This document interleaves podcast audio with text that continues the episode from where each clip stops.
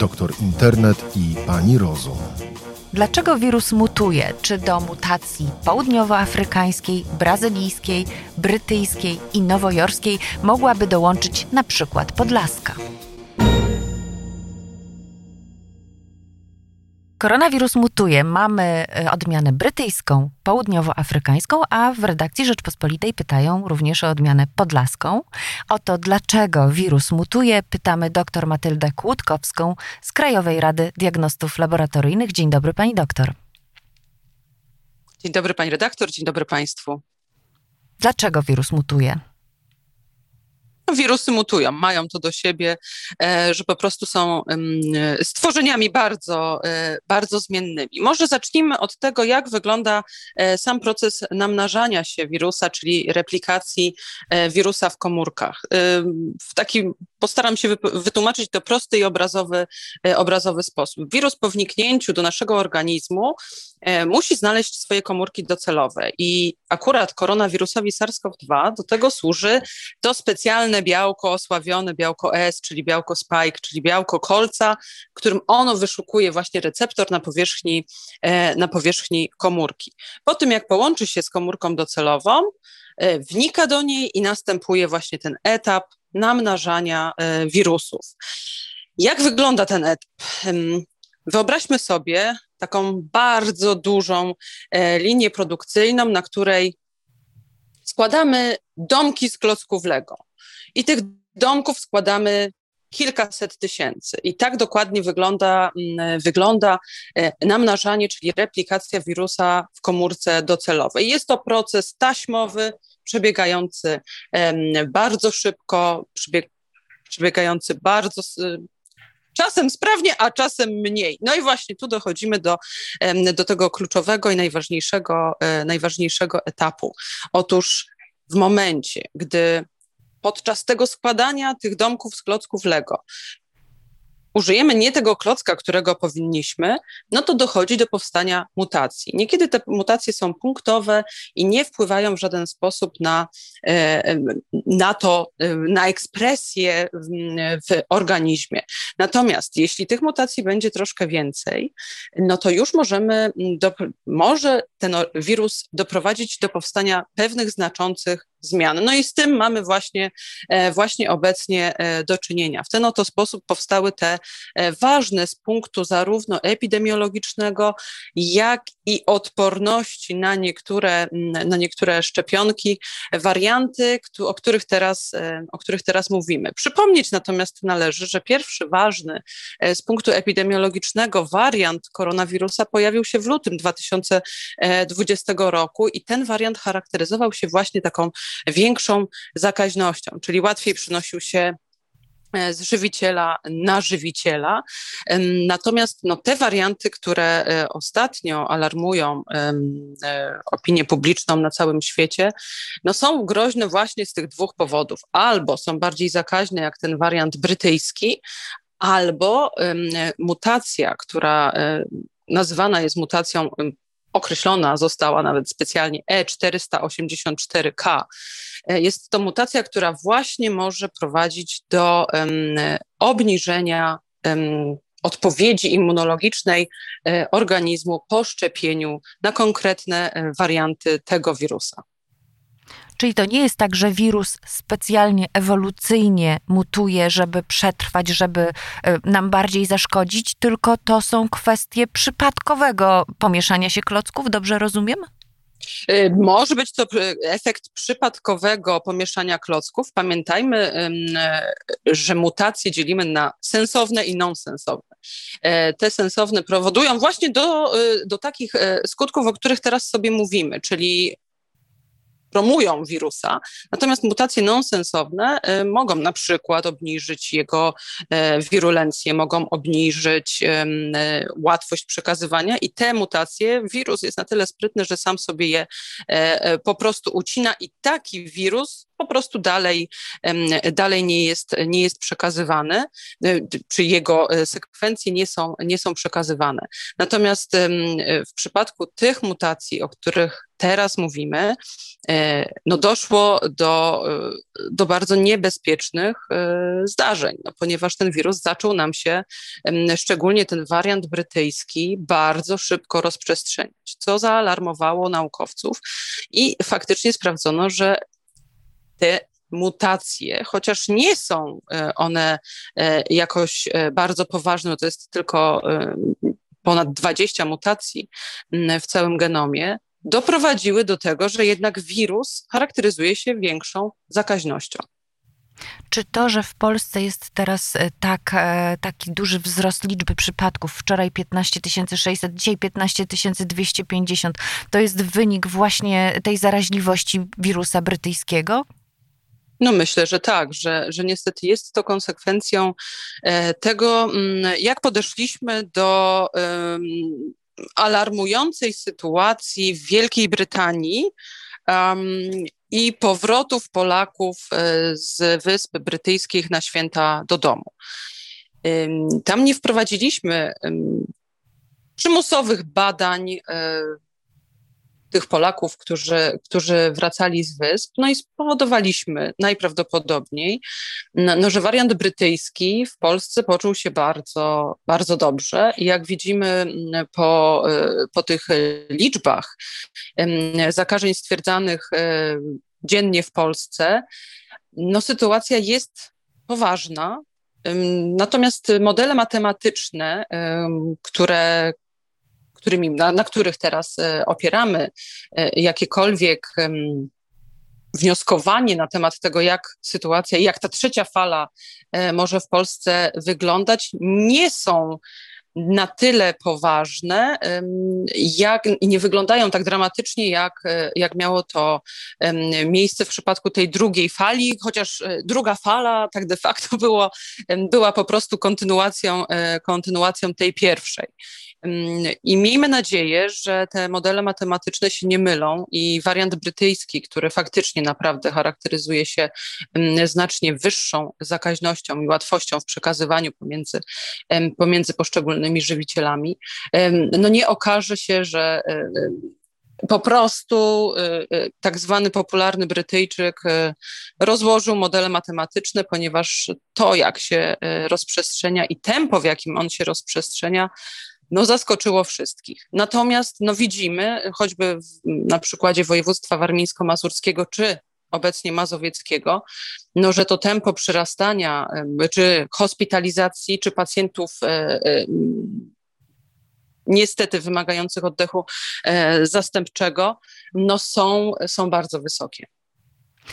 Czy to jest tak, że jak przechorujemy, czy, czy, jakby, czy można optymistycznie mimo wszystko spojrzeć na tego wirusa brytyjskiego? To znaczy, bardzo wielu z nas się teraz zakazi, bardzo wielu z nas przejdzie ciężej lub lżej tego koronawirusa i potem wszyscy zyskamy odporność? Czy pojawią się nowe mutacje, które będą nam zagrażały? No, to jest pytanie otwarte i ja na to pytanie nie jestem w stanie odpowiedzieć, ponieważ to, co obserwujemy i to, jak wirus e, cały czas potrafi nas jednak e, e, zaskakiwać, no powoduje, że takie długotrwałe prognozy, moim skromnym zdaniem, są po prostu na ten moment niemożliwe. To, co jest na pewno możliwe, to to, o czym pani redaktor wspomniała, czyli faktycznie wielu z nas, tych, którzy jeszcze nie są zaszczepieni, a jeszcze nie zakazili się tym, tym wirusem, obecnie to zakażenie e, może przejść. Właśnie dążymy do tak zwanego herd immunity, czyli tej e, odporności populacyjnej. Natomiast mm, e, o co tak na dobrą sprawę chodziło w lockdownie? Wszyscy myśleli, że, znaczy wszyscy, może nie wszyscy, ale duża część naszego społeczeństwa myślała, że lockdown to jest lek, że jeśli faktycznie wszystko zamkniemy, to wirus zniknie, a my po miesiącu czy dwóch wrócimy do normalności. No otóż nie. Mm, lockdown miał służyć tylko i wyłącznie temu, żeby wszyscy pacjenci na 3-4 nie musieli, nie, nie wymagali hospitalizacji, nie wymagali respiratora, no, no bo my mamy określoną liczbę miejsc, określoną liczbę personelu. Natomiast to, co się teraz dzieje e, i tempo, w którym, w którym przyrasta nam e, nowych zakażeń, jest też pokłosiem tej drugiej czyli de facto kontynuacji pierwszej, e, pierwszej fali, gdzie zakażeń notowanych mieliśmy określoną bardzo wysoką liczbę, natomiast dobrze wiemy, że było ich kilkakrotnie razy więcej, bo przecież nie testowaliśmy chociażby członków rodzin e, osoby zakażonej, czy osób z kontaktu e, z osobą zakażoną. Na, na te osoby nakładaliśmy po prostu obowiązkową e, kwarantannę, no chyba, że wystąpiły u nich objawy i te osoby mm, poddały się badaniu. Koszt tej herd immunity, czyli tej y, y, odporności populacyjnej, może być bardzo wysoki. Właśnie o to chodziło w lockdownie, żeby te koszty minimalizować, żeby chronić osoby z grupy, z grupy ryzyka, bo proszę zwrócić uwagę, że to owszem, w głównej mierze są to osoby powyżej 60, 60 e, roku życia, często obarczone chorobami współistniejącymi, no ale zdarzały się też e, i to wcale nie tak rzadko zgony e, u osób młodych i one były no, druzgocące. Znamy takie przypadki, no ja znam, pani redaktor pewnie też, gdzie z powodu COVID-19 umierały młode, młode osoby. I o to chodzi w lockdownie i o to chodzi w minimalizowaniu kontaktów e, międzyludzkich, żeby ten wirus nie zebrał takiego śmiertelnego żniwa i żebyśmy po prostu, mówiąc kolokwialnie, nie zorganizowali sobie w Polsce igrzysk e, śmierci. Mm, e, no bo tym niestety może się skończyć słynna akcja Otwieramy. No właśnie, czy pani y, uważa, że teraz w obliczu tej zakaźności brytyjskiej odmiany koronawirusa powinniśmy wprowadzić kolejny lockdown? Czy znowu zamknąć całą gospodarkę, szkoły, przedszkola na 3, 4, 5 tygodni, jak to było w zeszłym roku? To jest bardzo trudne. To jest, to jest bardzo trudne, ponieważ no, to, no, na dobrą sprawę chyba nikt do końca nie wie, jaką ścieżką będziemy teraz podążać i, i na ile ten wariant brytyjski e, może faktycznie nas e, e, zaskoczyć. Mm, widzimy, że tych zakażeń przyrasta, przyrasta bardzo szybko, ale proszę też zwrócić uwagę na pewną regionalizację.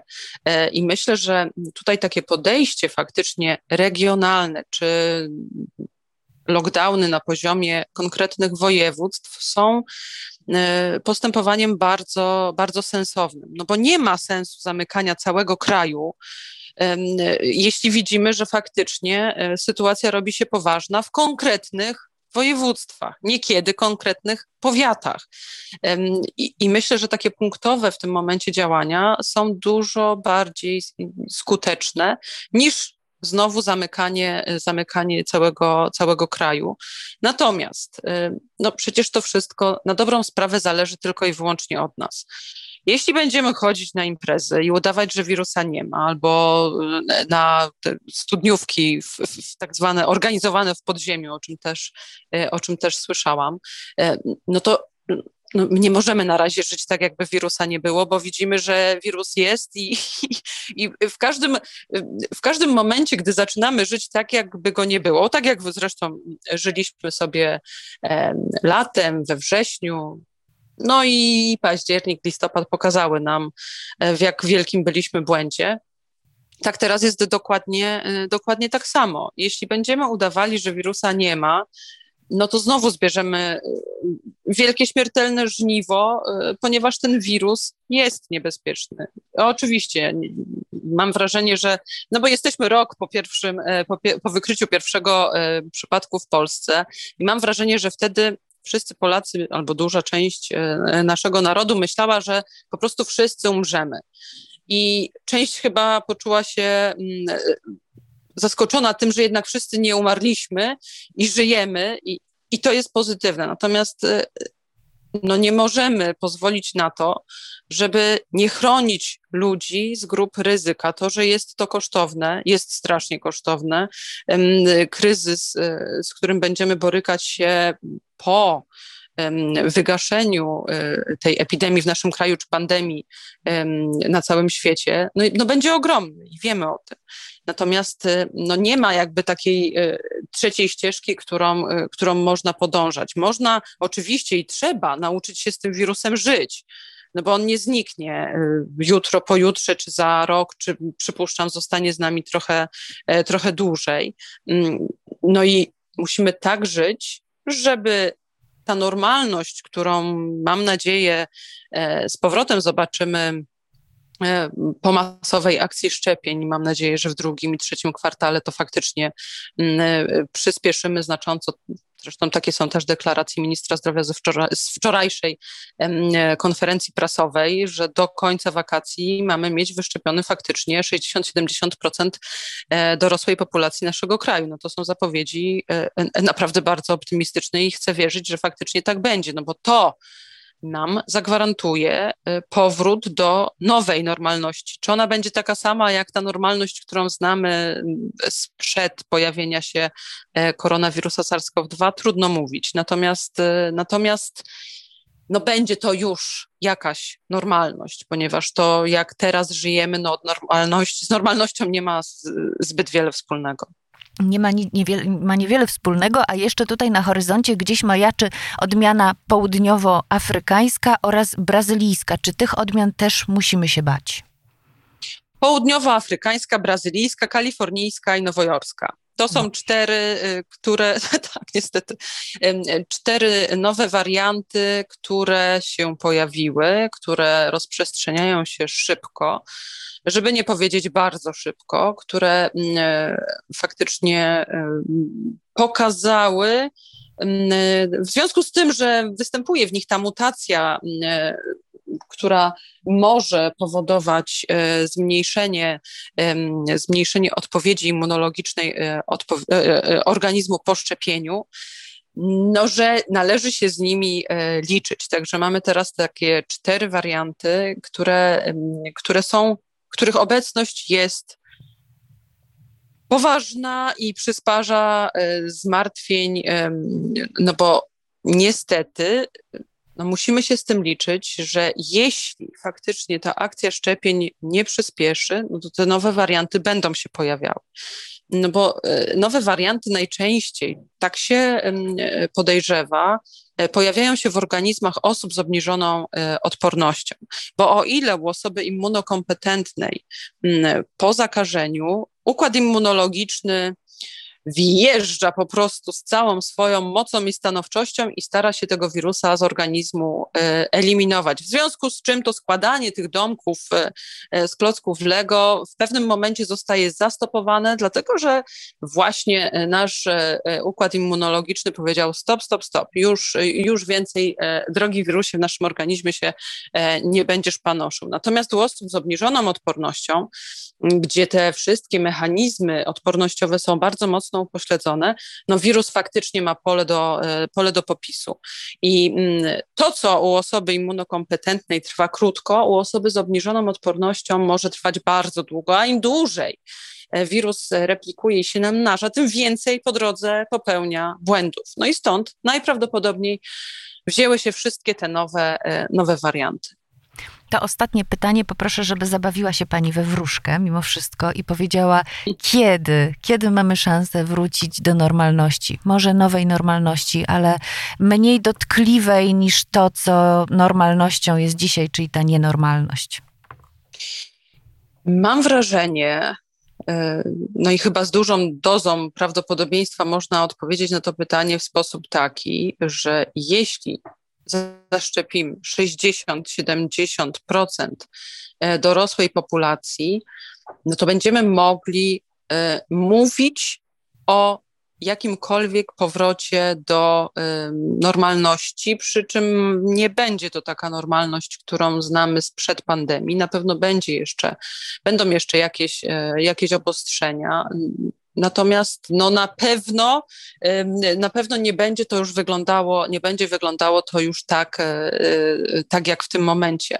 No jeśli 60-70% populacji będzie zaszczepione, a być może pośród osób niezaszczepionych będą osoby, które, e, które zakażenie przeszły, więc mają jakąś, jakąś odporność. To jest mam wrażenie, ten moment, w którym, w którym możemy mówić o powrocie do normalności, czyli nawiązując do słów pana ministra z wczorajszej konferencji prasowej, być może e, do końca wakacji potrwa ten etap e, masowych szczepień. No i jeśli faktycznie zaszczepimy taki odsetek populacji, no to chyba możemy mówić o tym, że to będzie ten moment. Ale czy to wtedy nastąpi? Trudno jest w tym momencie prognozować, dlatego no, że wiemy, jak jak wyglądają te dostawy, e, dostawy szczepionek do, do Unii Europejskiej, jak firmy mm, zmieniają te harmonogramy. No miejmy nadzieję, że faktycznie, że faktycznie w tym drugim i trzecim kwartale e,